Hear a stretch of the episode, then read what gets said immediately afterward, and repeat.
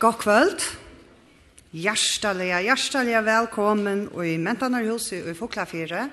Nå språten faknar skaltenon og rithøvendanon Alexander Kristiansen.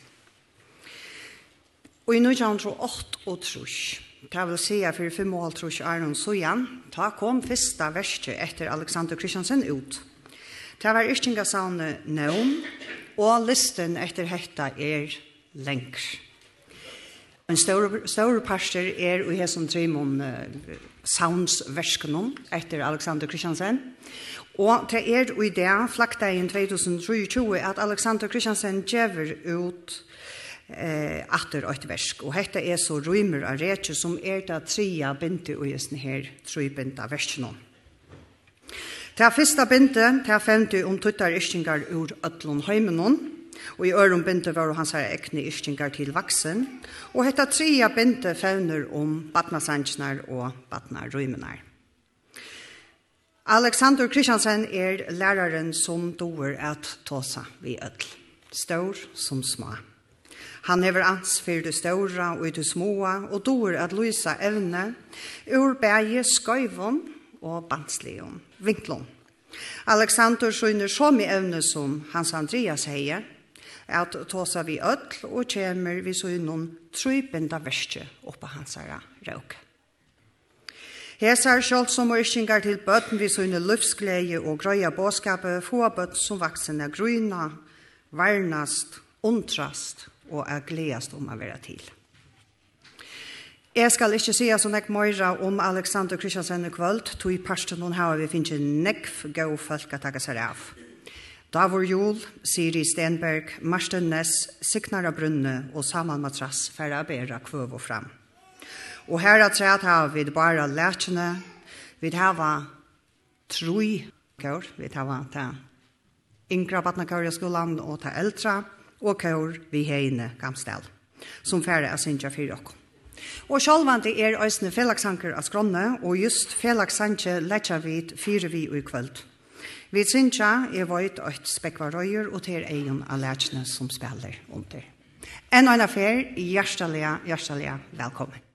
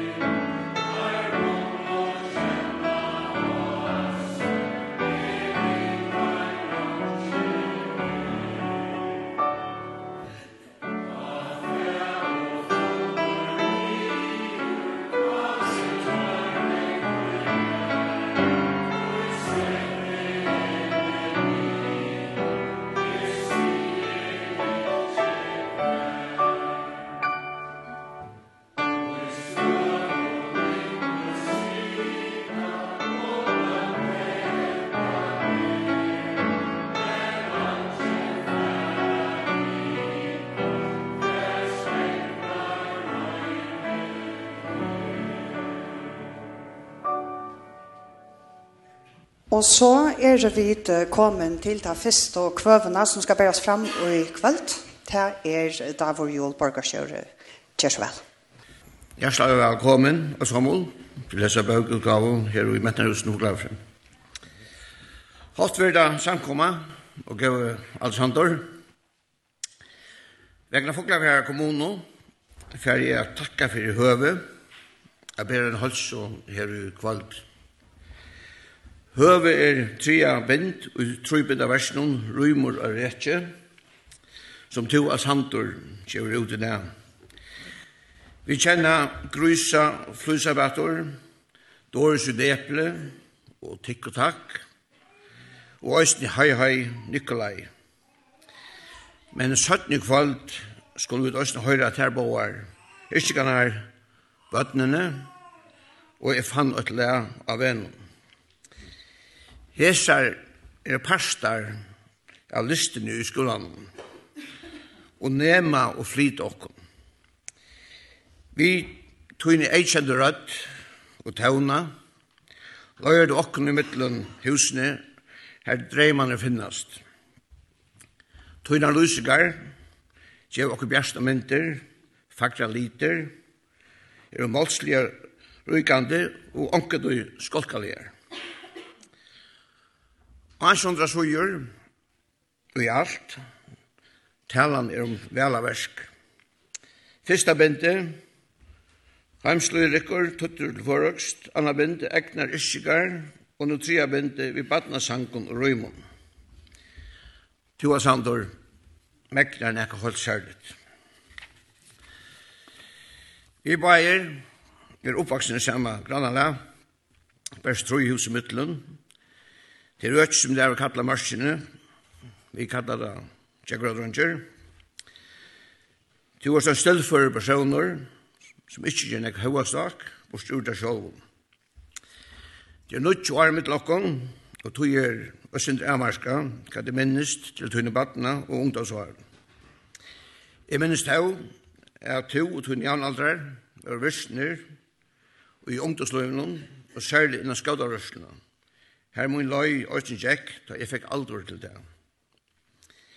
Jeg kan også minnast at jeg gjerne stod flåte sammen med papalunnen. Og hetta gav her nok en norsta til å røyna sjøløyve åren til først av bygdene, at nema til lærere utbygging. Og hetta tog jeg skal jeg sås minne til tog. Men jeg og andre vi løte merkes at to hei nek arvsinn og særstakt ivet her. Og det er jo ikke sjøen forsøkt. Det er ikke øyt i å hvordan du skal skaper hever ryka, ikke bare okken og i fuglafyrre, men alt av førska samfunnet. Jeg fer ikke gjøre med klokan og på skalskapen. Det har andre nekk bedre forløyga til. Men, til er virkjenninger, du har finnst og tann utbrøsla, til skalskaper hever, finnes ikke noen ærene, vittne om at her er talan om mann vi holdt sørstokken evnen. pastor av togene skalskapet er øyne finna finne i nødja folkeskolen i bygdene. Og her er togene vår pastor av daglige mentenar lia fornisjonen, tja nuverande og komande atalinn Vi valgt, altså kommunen valgt, at her støy i tunnens galskapet, og har lett myndlist og tøvnlist samljøa vid tunnen åren. Ta, vi fører av flå, vi hesser land, visste vi ikke, og vi dødde av flikva, og jeg held og kjent vi løgna. Vi tog chansen, og funnet av flå, men løy til i vi rom, at det var tunn pennor, så visste okkur fram av løy. Tunn evne, så skilte det vi selv ikke fært av. Og i dag gikk akkurat bøtt og ung i middeltunna iskingar. Vi er fuklar for er fegin, og ikke sørst erren om, at stavren er fostra en skallskapars kappa som te av sandur. At du er halga stavra parst at du er løyve til skallskapen, røyka og mentarlega og hever er vi til å sette fukla fra hømskåste. Tusen takk for det. Jeg færre enn en affær, at ikke at det er.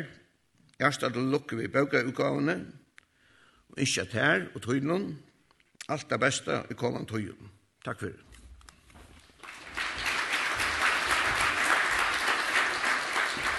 Og en større parster av et eller annet som Alexander har skrivet er og Batna Røymer og Batna Sanchez. Og vi er nå kommet til det første kårinnslaget i kveld, og det er jo teipeis kårene som er jo fra skolan her i Foklafire.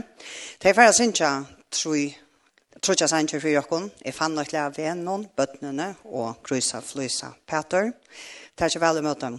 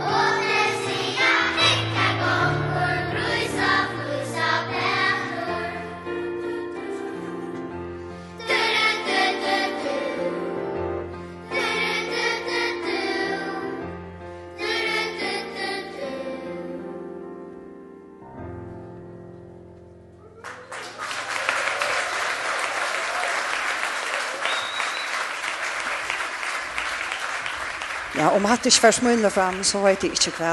Tusen takk for kårene fra skolen her i Foklafir. Så kommer vi til til neste rövna og til er Siri Stenberg, landstørskvinna Gjersvall.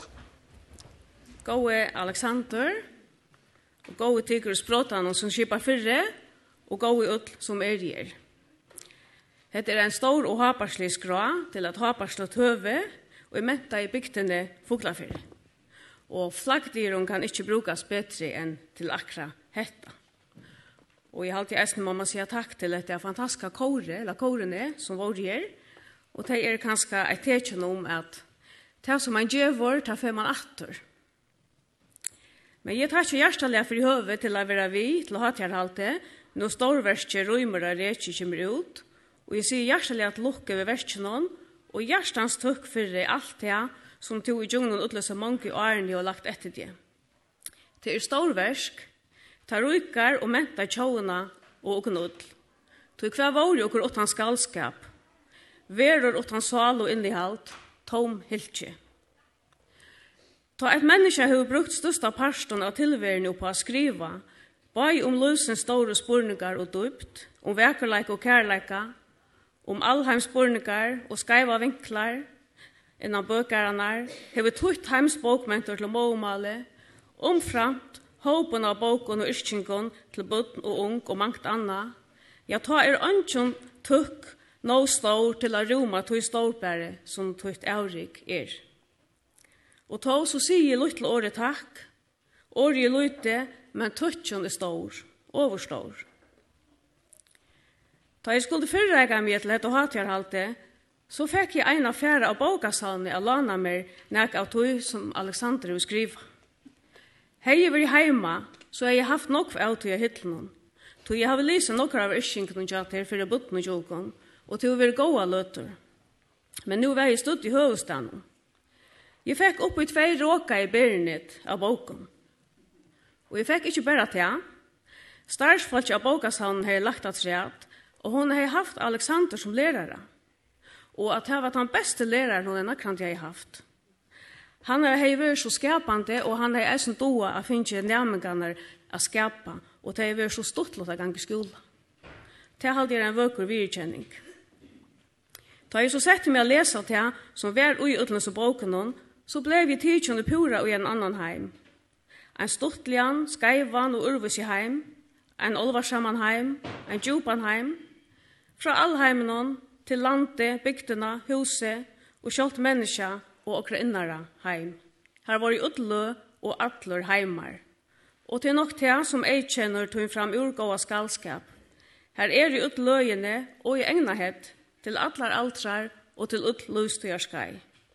Til hun skapa i etterli og til rukker utlån etterlig. Lesingen av meg ble eisne fer at du mine egne badnår.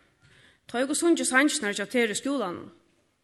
Til tøyene batnakåre, til batnableie, til jólabåtsjena, til batnafløvor og bøker, og sendingar som mine bøtna var finnje fra til eisne. Kjenslan var heit og god. Ogur elskar jeg sannsnar kja til, og jeg elskar der enn. Tar vekja god minner, og tar tala et mål som tungan ikkje alltid kan. Tar tala til kjenslenar og færa beint og hjersta. Tar tala eisen til humoren og ta stuttliga, ta spontana, ta løvsklia og lusjottande. Og i pura vanlige og gjerande smale. Og til størst, et skald som for lesaren er reflektera er et verilot skald. Gå i Alexander. Ta som hotik med mest vi ter er bretton og i skaldskapet og tunne skapan at du kan roma bare til filosofiska og heimslurikje og bokmenton, samståndet som det letta og stortliga, fra Habakuk av Selatre, til rundarmannen, om skudje som får grata, om Marie og i matala, om fuklar, fiskar, blomor og alla livande verur, til at tuja allheims bokmentor til førost for såna skriva djupar yrkingar, mellom anna om Rott her er et brådbordsjurer at det er ikke nøyut av liva, sier litenor, men det er nøyut å mala, sier penselen. Og så verkra iskjentjøn om Ingo Areine, eina for færgra det. Og om Paul F, om landet, hevet, løyve og deian, og alt det som er her i midtelen. Og i iskjentjene tar er løyentjøn fra 1945 sier du, at det er løyingen som er måer til mine kveie, selv om blomene er ved kvørst røyna bytla mine ganne inn. Akkurat det har vi hoksa nok snakk om. Og kanskje er det bare ta jeg kjenna til innar, alla ta innara kjensler, ta alla innara, innara kjensler registrar at og verliga kunne skapa, heilskapa. Mer dama vel ischingane jatir. Til bera seg vel og kunne ofta stort og greit roma stórum sannleiksåren og stórum visdomen. Ein ischking om viri og ischkingsne joa såleis. Ta måtte være no mykje a lise en ischking som hon er, og ikkje som ein vimersking til naga anna. Stort og greit og godt. Ein annar ischking om veginar er eisne avaverd. Mittlen anna stentor, skal teka nokkur bråtjur, veginar er jar framvegis. Her færa omkant av bygtene. Og i vegen er alt loive sauna. Jeg er virum. Veginar er farnra lujtjast iskingum som er gau vi. Her er tilfær og gråtbrotten og kviabrotten. Heil fjull sinja under foton. Sinja under gråt. Ærastani er veinar fotlar av blåe, ulter av gremjan, og hætre og ægjør typtar av hevnesøk. Og til spele vi årenon som du er mestar meister i. Ta eitre ikkje bære iskingar, men eisne miskingar. Allt kan sies opp at far matar, sier du, heter annar. Og hevenon sest ongen, on, on, sest ongen ongar altor, bare altor. Og hevenon sest ongen altor, bare altor. Tun Euriks liste er langur, men sjálfur haldi ikkje du sies nok om det. Tu er heira vår ved mentanar virslun av Jakobsens, og tu er heira vår kvult, og ta var annertid ikkje stid til. Du er verja bokadeltene kja lærarfellanon og i flere åra tutsi. Du finnje badna mentanar heiersløn torsunar bøyras. Du steg for jolabokene. Du skriva en røa bokon og esni vensel og mangon øron. Og i halte jeg kan sija at det er offertlått som du er lydlaten samståndet som du har skapa sånn okf. Du er nok større enn det. Man ser det ikke nok i allmenna romenon. Det er så kanskje forstårer til Men to er i kvarjar skolataske og i utlån gjørstånd. Og ta veri neivan betri. Det er mer eisen fortalt hva gode lærere du har vært, hva så just tøyn leikloder har vært avkjørende for løsleiene til flere av tøyn og nærmengen. Hva du dutt til utlfag, lukka fra til matematiska til løvfrøyene, hvor jeg blåme, hvor græs og hvor fugl, utl mål, til sang og tonleik og til utlbund, og at hun har særlig evner å hjelpe dem som ikke huttar så lett ved å lære. Ta sier mer at hun har sett hvert enstak baden og haft viring for tog, og hun synes det ganske janlig om spokvann, de må kjenne oss her. jeg vil dem ikke ilt. Navnet Alexander merker opprunnelig at han som forsværer eller verger mennesker, og botner mennesker. Det er helt særlig råsverst at bruka størst, største parten av løyvenon a skriva til budden. Favor hefur sunt botten og så stora viring. Ta tala til til storan heier og til alle eri. Hugsa tykken om hva de gjør ved buddene, a få skallskap og sandkjør som er gjørst til hei, som er myndur ur tarra hoa heime, ur tarra gjerandsteie, ur tarra nerungkurve og av egen normale. Og eisne er gjeva buddene lot og i norrlenska sangskatten, djungnon til nokve velt tutt i yrkingarnar og sanjunar. Flere av bokunnen har eisne notar, og øyre jeg saman vi okra mætaste tonaskultun. Flere lystbrutar eisne vi okra fremste listafolkun. Og nok var eisne brukt i badnasendingun og i kringvarspunon. Anki ytli vildarlåt, men a heksta støye til dess meste. Til en røvande, rørande gava, a djeva mest til dess maie, og takk fyrir det. Søvann om den lutla prinsen er en heims klassikere. Hun er tøtt til åman for 300 mål og dialektor. Ta sekst av bókjon er mest selda bók og i heimenon at han har bøyplina, vid 2 millionon eintøkken årlige. Eisen i her hever to Alexander veri okken gåor og hever tøyt bókjona til først. Tjonon tje fog og såleis lot og hesson storverkje, vi så storon lusvoistome av bókjon er avutgaldande. Musik Så han snurr seg om flåskibaren som endar ensamadler i øyemørkene til flåfære fikk maskinskia. Medan han strøys ved å få omvalgt flåfære så han kan sleppa heimater, hytti han en luttlan prins som kommer fra en i ærere gongostjutene. Luttle prinsron er affær av imenskon gongostjutene er leid etter vinnun og etter hjelp til sina rose, og affærene hittar han imest som Bojtjon snurr seg om. Det kjentasta er nok såan om revon, som han møter, og hvordan tarbeier gjørtest viner. Hvordan lytle prinsen forteller at hetta var bare en revor som hundra tusen ære revar, men hvordan prinsen tamte revon og tar blod viner, og hvordan revoren såleis blei fri han den einaste veron, revoren i heimen. Man kjenner bare til som man temer, sier prinsen. Det er til som man er gode vi, som, og, og, og som vi er skapt og i nerver. Og i boken i høyre greisning om hvordan prinseren undrast av menneskene som dyrka 5000 roser i havanon og hovast til ikke finna ta ene rosene til leit etter. Og om hvordan prinseren greier fra at det er tøyer man, bruk, at det er tøyer man brukar oppa at einstege rosene som gjør henne særsteka og tilnaka som man kjenner. Til anki i heimen kan være eins, utler i imisk og utler i særstøk. Hentan undrandi heimskjenta ruttun tja luttla prinsinon sest eisne i skalskapen tja Ter Alexander. Batna iskinganar og sanchnar er så deilig lukka til. Ikkje tilgjurdar og moraliserande, men undrandi og i batnahet. Og tog eisne galdande fri ogunull. Lutla prinsinon sier eisne at öll mennesker hava veribud, men de fleste minnast ikkje. To minnast det, og ta sest tydelig, Badne verður tikið vi, og alla til hoksane som budden hava og ull badna undranum. Man kjemur ikkje langan vi, og man gongur bant fram. Ta seg lutli prins från eisne. Og tog en leier heldur ikkje bein, tog er du komið så langt. Leion som loive, snærar og dreier, og tog over eisne ilt, ist om um sjalt veginar. Tog over sjåmavor, lærare, yrkjare, tøyare, mævor, pape og en vanlig fullfringur. Beina leion utan snøklar av løvsleine, mennur, onkan. Beine teiron er eisen stuttur, tog lærer man minni her. Jeg sier i fyrre røvene at Batna Sanchnar kjater Alexander tala i beint til kjenslenar og til hjersta. Og til nok den største løsvøysdomron som tan lytle prinseron bær heimenom.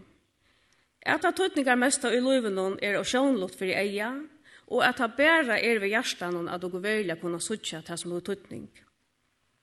Og i så måte er nokva tøy tøy gjer just uttrykk fyrir tøy luttla prinsens visdomme. Jeg får innskja til, og utlån tøy noen, hjertelig at lukka vi utgavene av mengnar avrits og jeg sendte beste kvåer om blodjan byr, av lovs og skriveleiene, Og jeg færer så hjertelig å takke for, til for alle, alle tunna værer av løsleiene, tar løvga åkon og gjør løyve godt av livet, tar gjøva døpt, og tar gjøva gode minner, og tar gjøva løvskoske. Tog hva er jo hvor åttan skalskap. Hjertelig at lukke.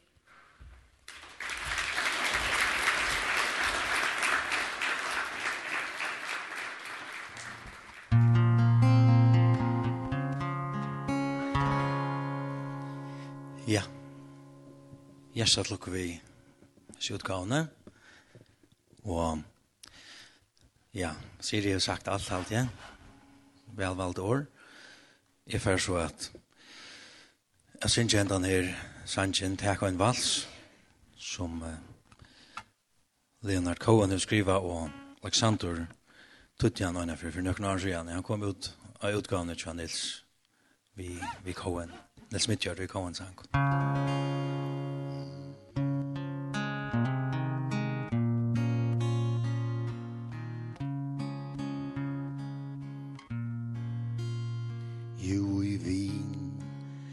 Her er dansur og gaman Her skal degin man søtja seg trost Og her sarst ut her fagrast og kvinnur Som ui kæte ut har heva lost. Her sast farren av frosti og ljøse Og en så livande loikur og ljøse Oi, oi, oi, oi. Takk ein vals Takk ein vals. Takk ein sigvande vals Vi mer flio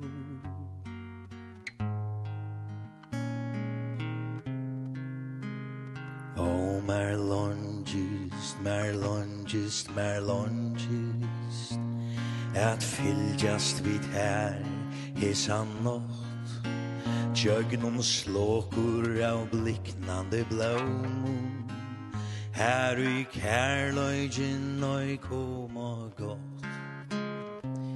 Og at oi at hea hinon beje Som oi svartande ljós glam og stål Oi, oi, oi. Tak ein vals, tak ein vals tak ein sorskande vals Vi mer flöv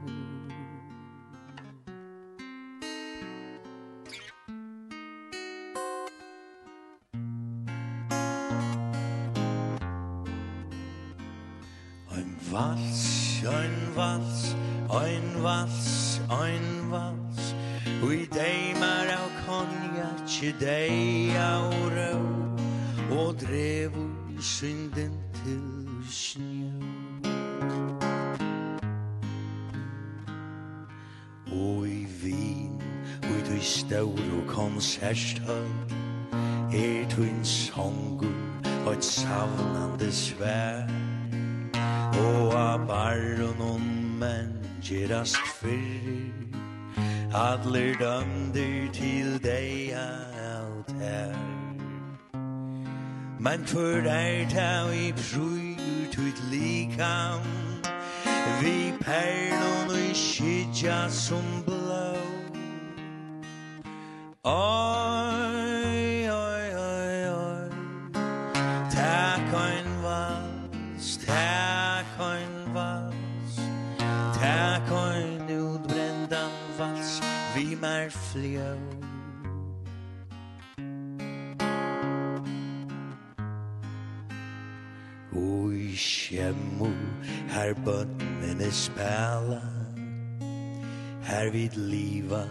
sæla stutt stum Her skal lågen fra blaktrande lampun.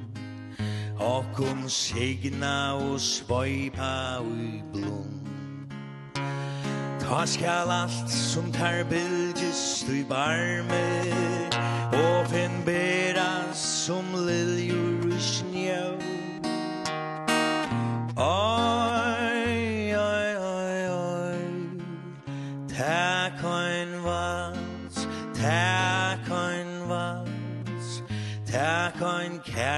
herrigans vals vi mer fljå Ein vals, ein vals, ein vals, ein vals Ui deimar av konjak, deia og rau Og drevur svinden til vi snjø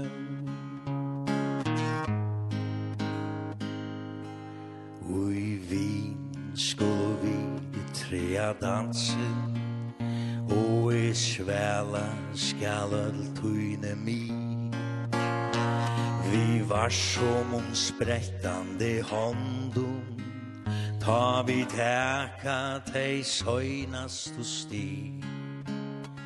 Mine kærast og minne e gøyme Mellom myndir og gulnande år.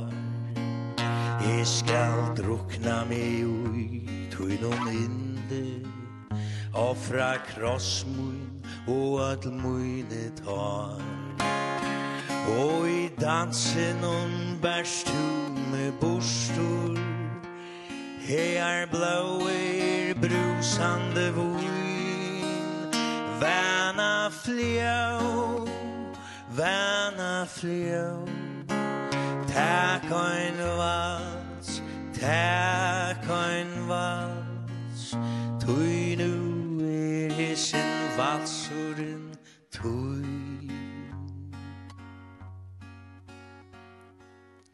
La la la la la la la la la la la la la la la la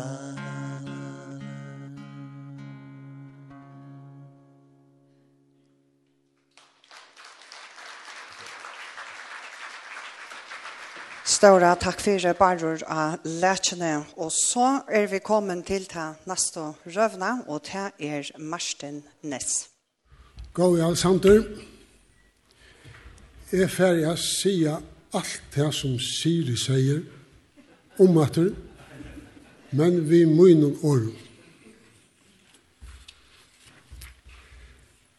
Onken tøy og en trusjenum, ta jeg les badnableim, etla glukkan, etla dimmalatting, etla 14. september, hefti jeg meg vi ein som ofta skriva i iskingar om alt mellom himmel og jørn og under teimen stå som oftast AK. Glutjen er ikkje til meg, 14. september heldur ikkje, dimma lagting ener, og badnablei eitir okkur heilt anna i det. Men AK er framvis til og vi kvart eitir han framvegis AK. Eit nu i hese røv. Ta jeg var unger og gikk i studentaskola i Høytlund, høytte vi eina tjukka reia lesebok, danska. Og i henne var nok var søver og yskingar, Eina av søvunum hei danska skalte Sten Stensen blikker skriva i 1892. Tan som hei ått hesa lesebogina undan mer, er han nevntur, er han kjentur. Han hei strika under hvordan ofta året AK kom fire og hese søvunum. Akk. Det var ofta nevnt og med minnes rett, søvann er at hose kremmeren. Men det var ikke hetta akka som hei størsta avskan av meg åren i høytlom. Jeg må vikenga at ankesvøkna domte meg langt ta nok bedre til som akka skriva i i føresko bløvnum enn til som stod i hese lesebogjen heims poesier av førsko, skriva i jaunalderen, ryskjaren og ommelderen Hein Klein, ta og i Anna mena kom ut i 1925. Et saun vi tøyingum av heimslurikje som AK hei gjørst, og som farla i fanner gav ut, og ommelderen kallar av sannum AK fyrir ein tøyingar mastara. Alt er tøye er tøyarlest, og det er vel til å lese at her som ischingar og er skrivajar i dem, sier A.K. og blæsamlu eina fyrir. Sier skalte utan iver høver at bredja seg av at han er tøytle førest, bei sapfo og gøte, William Blake og John Keats, Rilke og Carl Sandburg, Arthur Rimbaud og Ezra Pound, Pablo Neruda og Shakespeare. Omframt av ørgrinne av ørum, og så har vi alls ikkje nevnt allar tar norrlenske istjernar han er tuttle først. Lyrikker sprutje fra honom og hever gjørsta fra fyrsta deg. Heimslyrikker, valdar iskingar, rymur av retje, som er heiten i at heimen trimur bindunum og utkommen i seinastene, og som vi særlig fagna i kvöld. Så skalsens kristna navn er som vi ødelig vita Alexander Kristiansen. Og han hever i så seinaste tru årene sauna saman oppe i tru bind av lyrikje, som han annakvar sjálfur hefur ist, etla som han heknesliga hefur leti i føreskan bjona, tøyingar etter utlensk skuld. Iver 1300 istingar og i trimum bindun atle samans 1800 syum, ikkje smavis. Heknesliga flutt og i okkara egna ryga mal, badnarrymur, salmar, kantater, sanger og tvattlerrymur. Her er tøyingar av heimslu rikki alt av okkar egna heimsmale førsko. Etla som skalte sjálft eina fyrir tók til, da han gav einum av sunnum saunum heite, Male er mot ødje. Ongen av okkara føresku iskjæren hefur så negv at vysa av som akon. Sjálft ikkje stóra badnaskalde ho a djurus. Sjåvande skal alt ikkje gjerast opp i nøgt, men nøgten hever eisne sutt a sia, da metast skal om. Og trøttelyr oppa røym om alt mellom himmel og gjør. Han iskjer om at eta poesi, om at skilja skaldskap, om at elska, og han iskjer om at varvaita alt i heilum lujtjum. Det er ikke mørk fire hva AK hever istum, og det tidsi som at det streimar ur penni hans her. Han er som en å, det renner alla tøyene ur honom, han fer alt at liva, og han er ikke så livande om at vera fiskur, at vera kvinna, at vera steiner, at vera anlit, at vera menneska, at vera sjånvarp, å være tre, og å være vindeie, og at være år. Lustig her, å være år, ikke best et einstakt einstavelsesår, men öll årene og i mynda male, öll de år og daglig å være brukt og misbrukt, öll de år og standa for fjona og i ånkrar åra bok og ånkrar bokehitt, gomul sliten år og nøygjørt. A vera år og ein ischink, ein fere atlan, ein sottmala, til dama mer. Jeg kan skapa menneske, benta og beina hoksantara inna av fætliga leir, gjerra til til til i vil, årløysingar, talarar, prestar, reiparar, iskjarar. At vera sterkast av vopnet, eimasta kjenslan mellom tvei menneskje a vera ta størsta og ta minsta ui til er. Søgnen sier, i fyrstene var år, og ta seinaste menneskene færre eina fyrir at teska eit kvart år aren ta dodja. Sjølt henta iskingen endar vi ein år. Han iskir eisni om at drøyma den perfekta drøymen Da en maver hever ist så langt og så nok som Aka hever gjørst. Kan det være torrførst at jeg er der i mittlom alt det han hever finnes av skaftet. Men i halte at det som stendte sterskaste myndene ta i oppvere gjørst, er det badna rymer han sa. Du kjenner at det at han fer fram alt det han atla seg, Og han får sagt det av en så leikande løtt og måle at det er ånden som ivast ui av måle er hans er ødj. Det har vært bæg åhåverst og forvittneslitt, det har vært alvarslitt og eisen stuttlitt.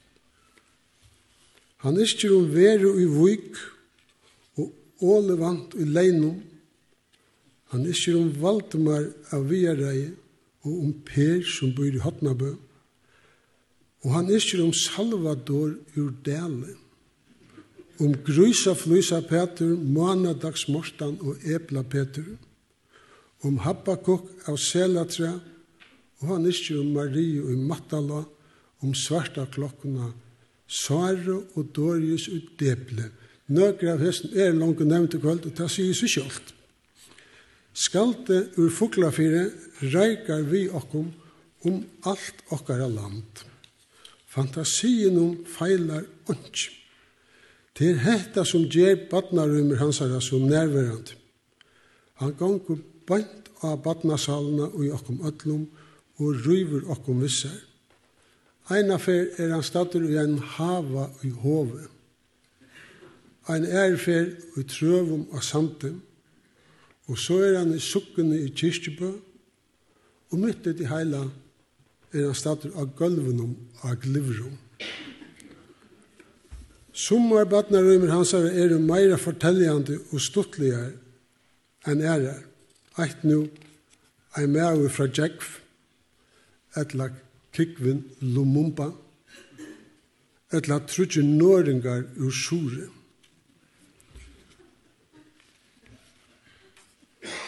Nu, og i langa tui, har vi hørst om hvordan vanlige omstår okkara namsfrøyngar og hjelpar folk hava.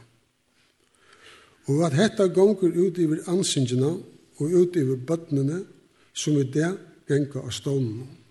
Og som eina for vera stor og vaksen og skulle ut i samfunnet a passa okkom som bæra gerast eldre og eldre.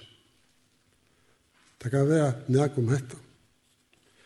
Og kanskje færre disse bøttene ta av synsja for åkken gamle. Det som det egna for lærte og i badnagæren eller i skolen.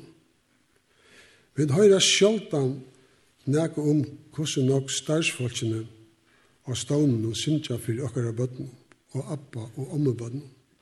Heldri ikke kvæt og hvordan det er synsja. Men hva gjør disse fitte bøttene så? Kunne det være spurt? Hese bøttene som i dag skulle passast, og som sættene skulle passa okkom, hva gjør det? Jo, de tralla bæra vujare, ikke er så vust som det, og de synsja av heilung hjarta, hikkone, tikkone, tokkone, hei, hei, Nikolai, og luttla fittan i samoin. De ana ikkje at det er mevur, et skald som eitir Alexander Kristiansen, og jeg har givet okkom alle disse badnarrømmene, og her er træd opp vi leipar og trillebører av nekvom ørum avbøra gåum skaldskapet, som det geng og synsja dægen langan. Alexander, hetta er at vera virkjønter. Hetta er verst a flagga fyr. Takk. AK. Takk, Alexander.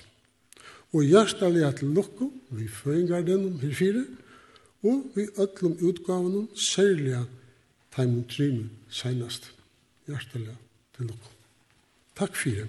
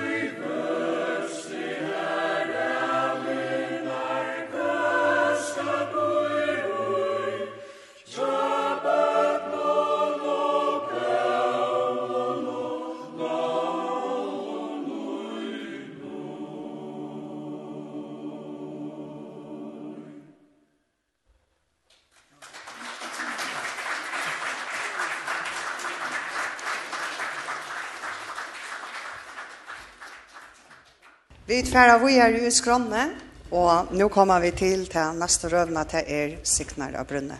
Det er som en kan sagt om fugla fjør, at her er et rukt og fjallbrøtt mentunar liv, og satt av sida er ikke ønske om det.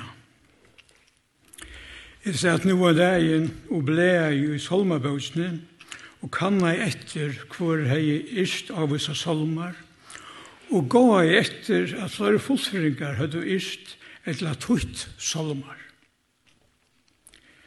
Torster Beter til dømes fyrverande prestur, han åtte seks salmar,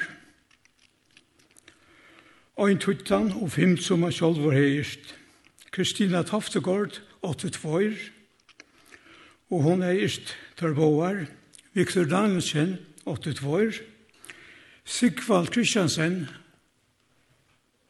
Mam bodde, pappa bodde Alexander 81, og Alexander Kristiansen, han 81, sang som han er tutt, og det var, han var skapt av Kinko. Og hoen i Fuglafyrre, er djeve ut Istrigasøvn, hever alltid vært rettelig staurer i Fuglafyrre. Tei heva giv ikkika søvn ero, og vi færa løyman er nevna dei. Albert Rauen, han sjakko av Brunne Yngre, Ismar Johansen, Johans og Podl, Siner Etso og Ismar, Peter Marsten Petersen og Astrid Kristiansen, og så kommer bond vi Sancho Tøvnløyke og Nils Midtjørsvali hei omsett og spalte til visnar, og siden kom kjente visnar til Gunnløvi og Nils. Hetta ber i fram, ber for vise av at du fukla for hevda, og i langre tog veri over fire og noe sterskon menten av liv.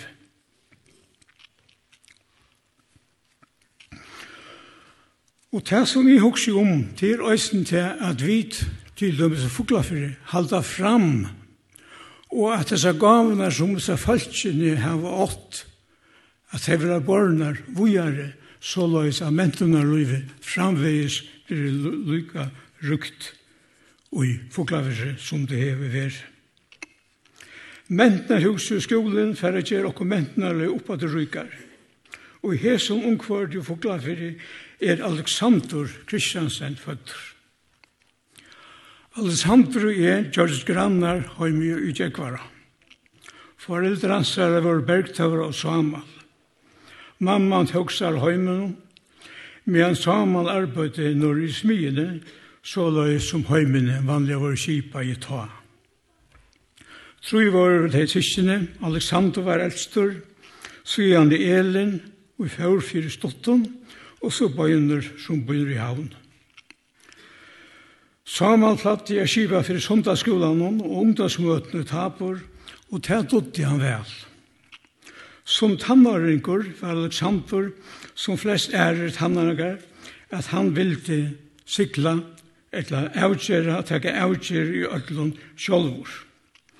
Han sier til han månte, og ikkje gans sutja vid òsni hos det avgjera støver han mengan hevur. Han vil ikkje vera flottur av ørum. Mer er sagt at Alexander tekna en eik som smadronkur, og ta la vel fyrir tjån. Jeg minnes han en gang en gang vi fotballt i avvenien av plenene som vi kallar det, jeg spela fotballt, og òsne til megna i han. Men det som han ble holdt biten av var det ikke, og sendte ikke til badnableie, så allmenn gen òsne kunne sutja til. Satt a sia, gjør det seg offeren av at en smadranker kunne doa så vel at åra seg, og det var mange vi mer som hødde til a år. Hein Klein, skald, lærare, fyrverande politikare, skriva i hese år til mun og fyrra deg. Om Alexander kan jeg sia at jeg langko Som stavre smådrongur hans hansara kjoldsama stavre og eisadu iskjara og tujargavun, av tuj som han er sendt ut ta tulja og i trusjoarnon og som han skriva i og i Batnavlan. Holsa Alexander fra mer, endar han, etter vise bøyene til Moin Alexander. Menten av grunneren, var stående vi til endamalli at stola bøkeutgave, og vi kunne etja til økta utgave. Sjolvor har vi er sidemong, og her vi mentna grunnen, og omrødt omstående satt høymon og finkus i bøkeutgave.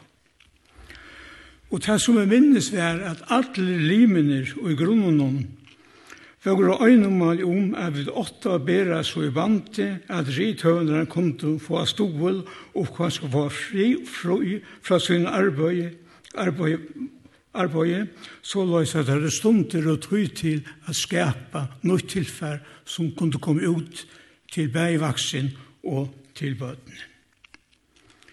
Er det så heppen at komme at omsida mentnamal og i, i, i, i for nu fløy og ansøgjene, og det var så hette at just da var møllegar til at hakka jottene til at gjøre bøker ut.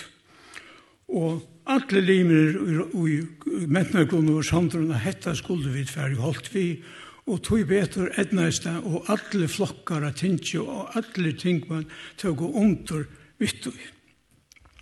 Og her skal det nevna, at det menn kan huksa i om oppgavene til at læra samtur.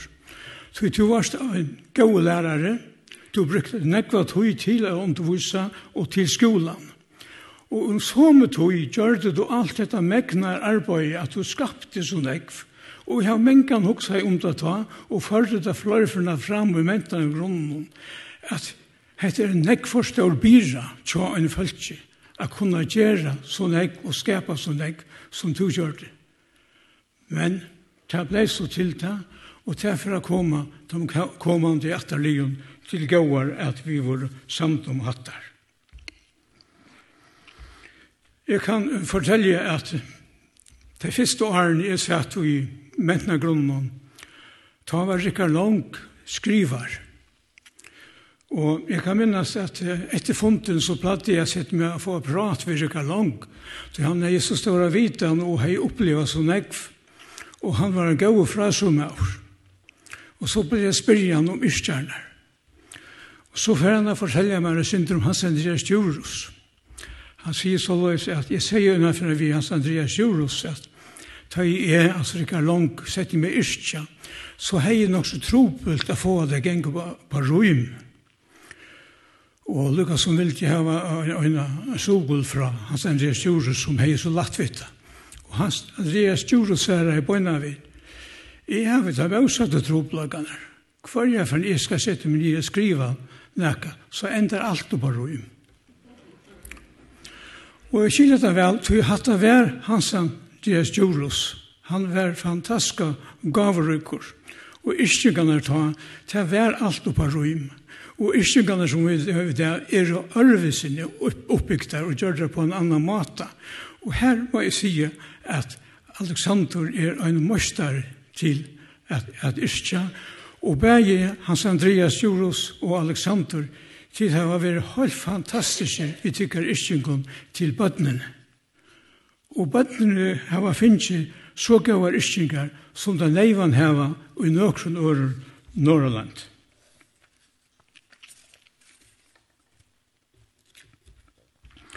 Alexander fikk seg oppbygging som lærare, og som flere langt har sagt, at han tok seg oppgavene og i fotlån alvara og gjør seg øyelig støren avmak.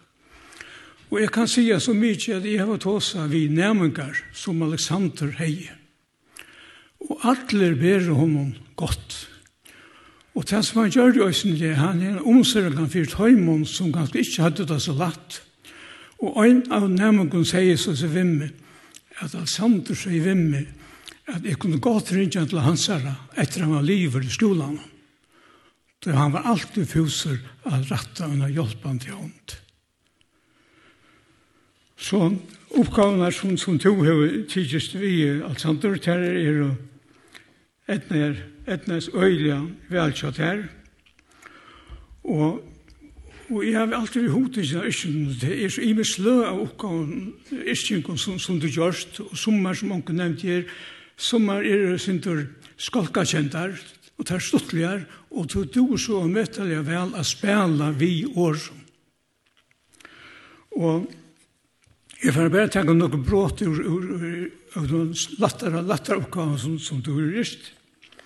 Til det har sett her, som uh, sier i Stenberg, ja, at, at ur ikke mystikka. Han leie henne i årene i munnen, og æren hun fævs. Så hva skulle han sige?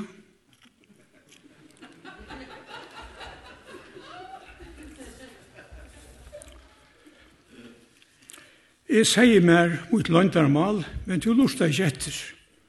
Og nå vet alt det. Deir er han og skriver sine egne minningar år, og tror til ham.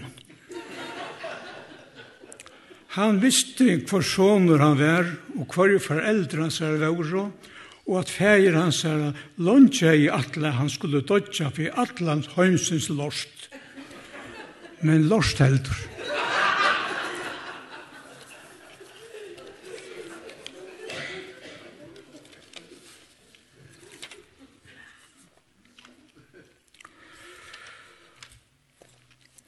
så får jeg lese en ærstning for løy meg å lese. Og det er en ærstning som er løtt av skilja. Og det sier noe om humoren, Charles Hunter. Og hun øyder fataker kapitalister. Ta i suttjan koma og sin dyra bile og parkere utanfyr de dyre husene og og festa seg ui en dyra sigar, etter at han vil vitja til de dyraste dansestøyene i byen, og etter den dyraste maten, og at de dyraste matstående, og kjemta seg vidt om de dyraste damene. Heldur du kanskje at jeg vilja bytt om vi han? Heldur du kanskje at jeg hei vilja bytt om vi mine rusta og suklo, mine hunalige kjattlar og bo, mine heimarudla og tvinn, mine torre grindalikker, mine fitte kono som trolig stoppar med håsnar. Sjølvan det er det.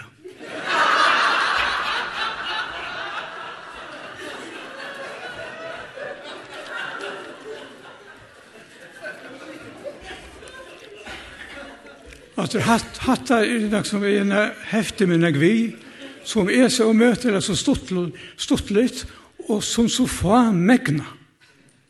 Og her er du en mostar.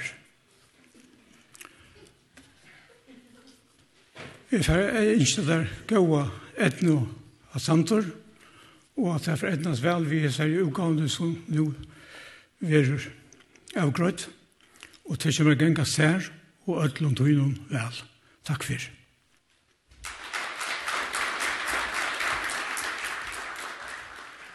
Takk fyrir, Signar av Brunne. Så er vi kommet til til Søgnast og Drøvna i kvöld til en halsan til papan, Kjersjo Vel, Samal Matras. Ja, dette er veri, veri stort drøva. Jeg kallar henne for krystallinar ur bandomsminnen. Takk fyrir at jeg kunne sleppa bæra pappa vinn en halsan nu trilogien, som det så kjera skutjan er fullfutja, vi tre vinden rimar er rech. Til hodet å få atler iskingar og tog ingar sauna i øynestegi heldre enn jeg skal løyde og imenskene ikke søvn. Og jeg hundra søyer, er ikke smavis avrige legge etse til samtøyene og ettertøyene. Begge jeg og brødmynner har haft større glede av iskingdom til pappa papamynnom, særlig av badneskingdom. Så mer var det særlig av kannebjødleviser og badnabrås og, og lotvorst på andredagsmorsdagen. Vi stola jo på under mine målslig og oppmelding. Så yngre bøtjen, kanskje mest på andredagsmorsdagen, grusafløsa Peter og Epla Peter, Som batten var det ikke bare førkristingar, men også større mån danska iskingar fengt av. Selja terja halta Rasmussen, med landa kjempelige iskingastavne, den lille frekke Frederik. Det er tøtning, at søkja malet som anna enn best et funksjonelt samskiptsambo, og ikke bruka malet av en møyra finduan hot. Det er ikke alltid båskapen ut av tøtningar mesta, men vi kvart formeren. Vi kvart er formeren båskapen. Vi kvart er ta vevren fram mal og gir sestan tøtning, det er ikke om hver du først, men Gustav du kjever her. Så ser vi etter virkingdom fra min banddomme. Det har ikke alltid nek endamal, men ryka av lustleina, og standet det som vøker minne, og kransa min banddomme. To alt det materialistiska og endamals rationella er ferdig i fotna, stendet andalig etter, bæg yrkingar til pappamunnen, Alfred Rasmussen, Hans Andreas Jorhus, og framtar mange solmander vid lært utan etter skolan. Hugs at alt dette er, ta i avtåtnar, tuttingarmesta barlasten fra min bandom. Hugsa at hetta, mor enn alt anna, hefur kvakt min alsk til mal. Ta jeg gjørst eldre, var det selja tøyingarnar vi vakt avhåa, mest av ötlun fjellbrøtta tøyingarstavne leggva lester, og gjør som en uh, lang dannelsesfer i jøgnan europeiske søvnene. Ta fyrsta bind, av sylogien i fjørsra fløy kom ut i 2019, ta vakna i avhåen fyrir tøyingarnar atter ta e og Anne Mette Greu Klemensen, sett okken fyrir at skriva kaursatser til ymska tøyingar. Og i søyan har vi sungnare av et annet fugra sangkaure ut i Tordo, fyrir løtt søyan. Hjertelig til lukko, vi holder versen baba. Hette er en verre som stender rett til her, vi folk bare kje jøknun atle øltene. Nekv vi er skriva mitt lare ja, men det er tekster av bunnen og male, vi standa tøyligast etter, just hudda ikke er flådande, men statna er som kristaller, som tittner ugane gåspokkna, Som er kristaller tar skvinna bjartar enn ærar, men det er alltid hoa litt a finna en isching og leta tjoe takk av henne, òsne hevast flyenar av kontekstet, lengst sjan er moajar bortur og skålajar ut i glamskunar hev. Jeg nevnte Jims Kishingasøen for 14.15, men øysen er flere komin hest i öldene, mittel anna 8, og i særlig fenga med, kokolarapi. For omlai fem år så gjerne sett hjemme med nyer og skriva i løt til alle ischingarna og jesan sauna, Det ene som jeg hertil hever framført er ein, for trutjer som er fuklar. Jeg fer nu å synge henda sang, og at, at nå til, og jeg sangen atle fytter smartjenter. Hese 17, han vil så satt og en frumframførsel.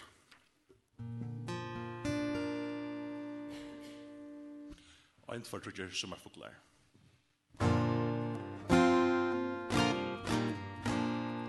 Ein, for trutjer som er fuklar og kafum hol og hei vestor, vestur, heiar sólum Sækku i kæve kopar rei Ein for trutjer mal foglar Vær og hals og tær fra mer Og at kvölde kom og tar til Ein så fagran og stakkar Ein, tvær frutjer som er fodlar Lå innom garsins grinn Baur og sau og som er salo En og i møyna løy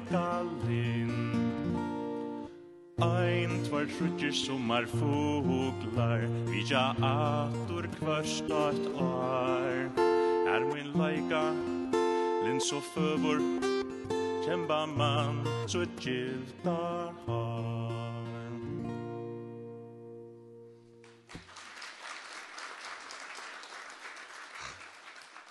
Så, från fra Førsland, atler fittar smadjantar.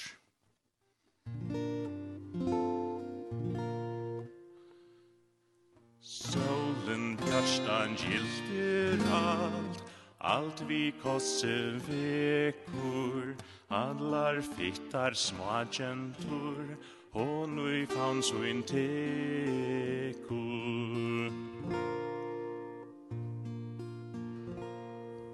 Skuiner honum haia vötn, ein berja av fjöllun, allar fittar smagentur, dansa kring av völlun.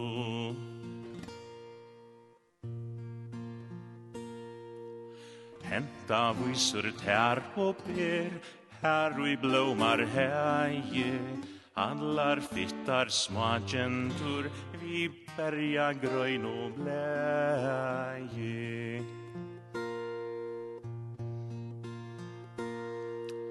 Ljómandi um allalai Leggur glande kransa. Adlar fittar smakentur og blom og olvar dansa.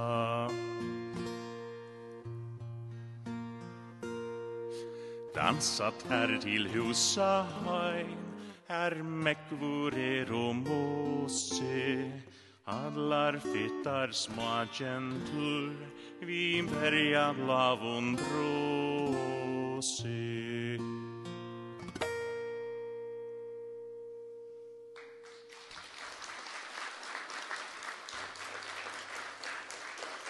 Takk for det. Vi er nå kommet at enda dette faknavar kvöld for Alexander Kristiansen. Alexander nekv årer søkt, hverste øyneste år er oppe på året. Gjerstelig at lokke vi tror i binda versen om. Og takk for ødel tøyne år. Jeg skal vekna språten, takka til kun ødlån som har givet kun stund til å komme i kvöld, til kun ødlån som har hilde røve, til kun ødlån som har sunnje, bøtt som vaksen, og vi enda sjølvande vi felagsankje, vi færre sinja gjørst og kvir nu seter sjøl. Tusen takk for i kveld.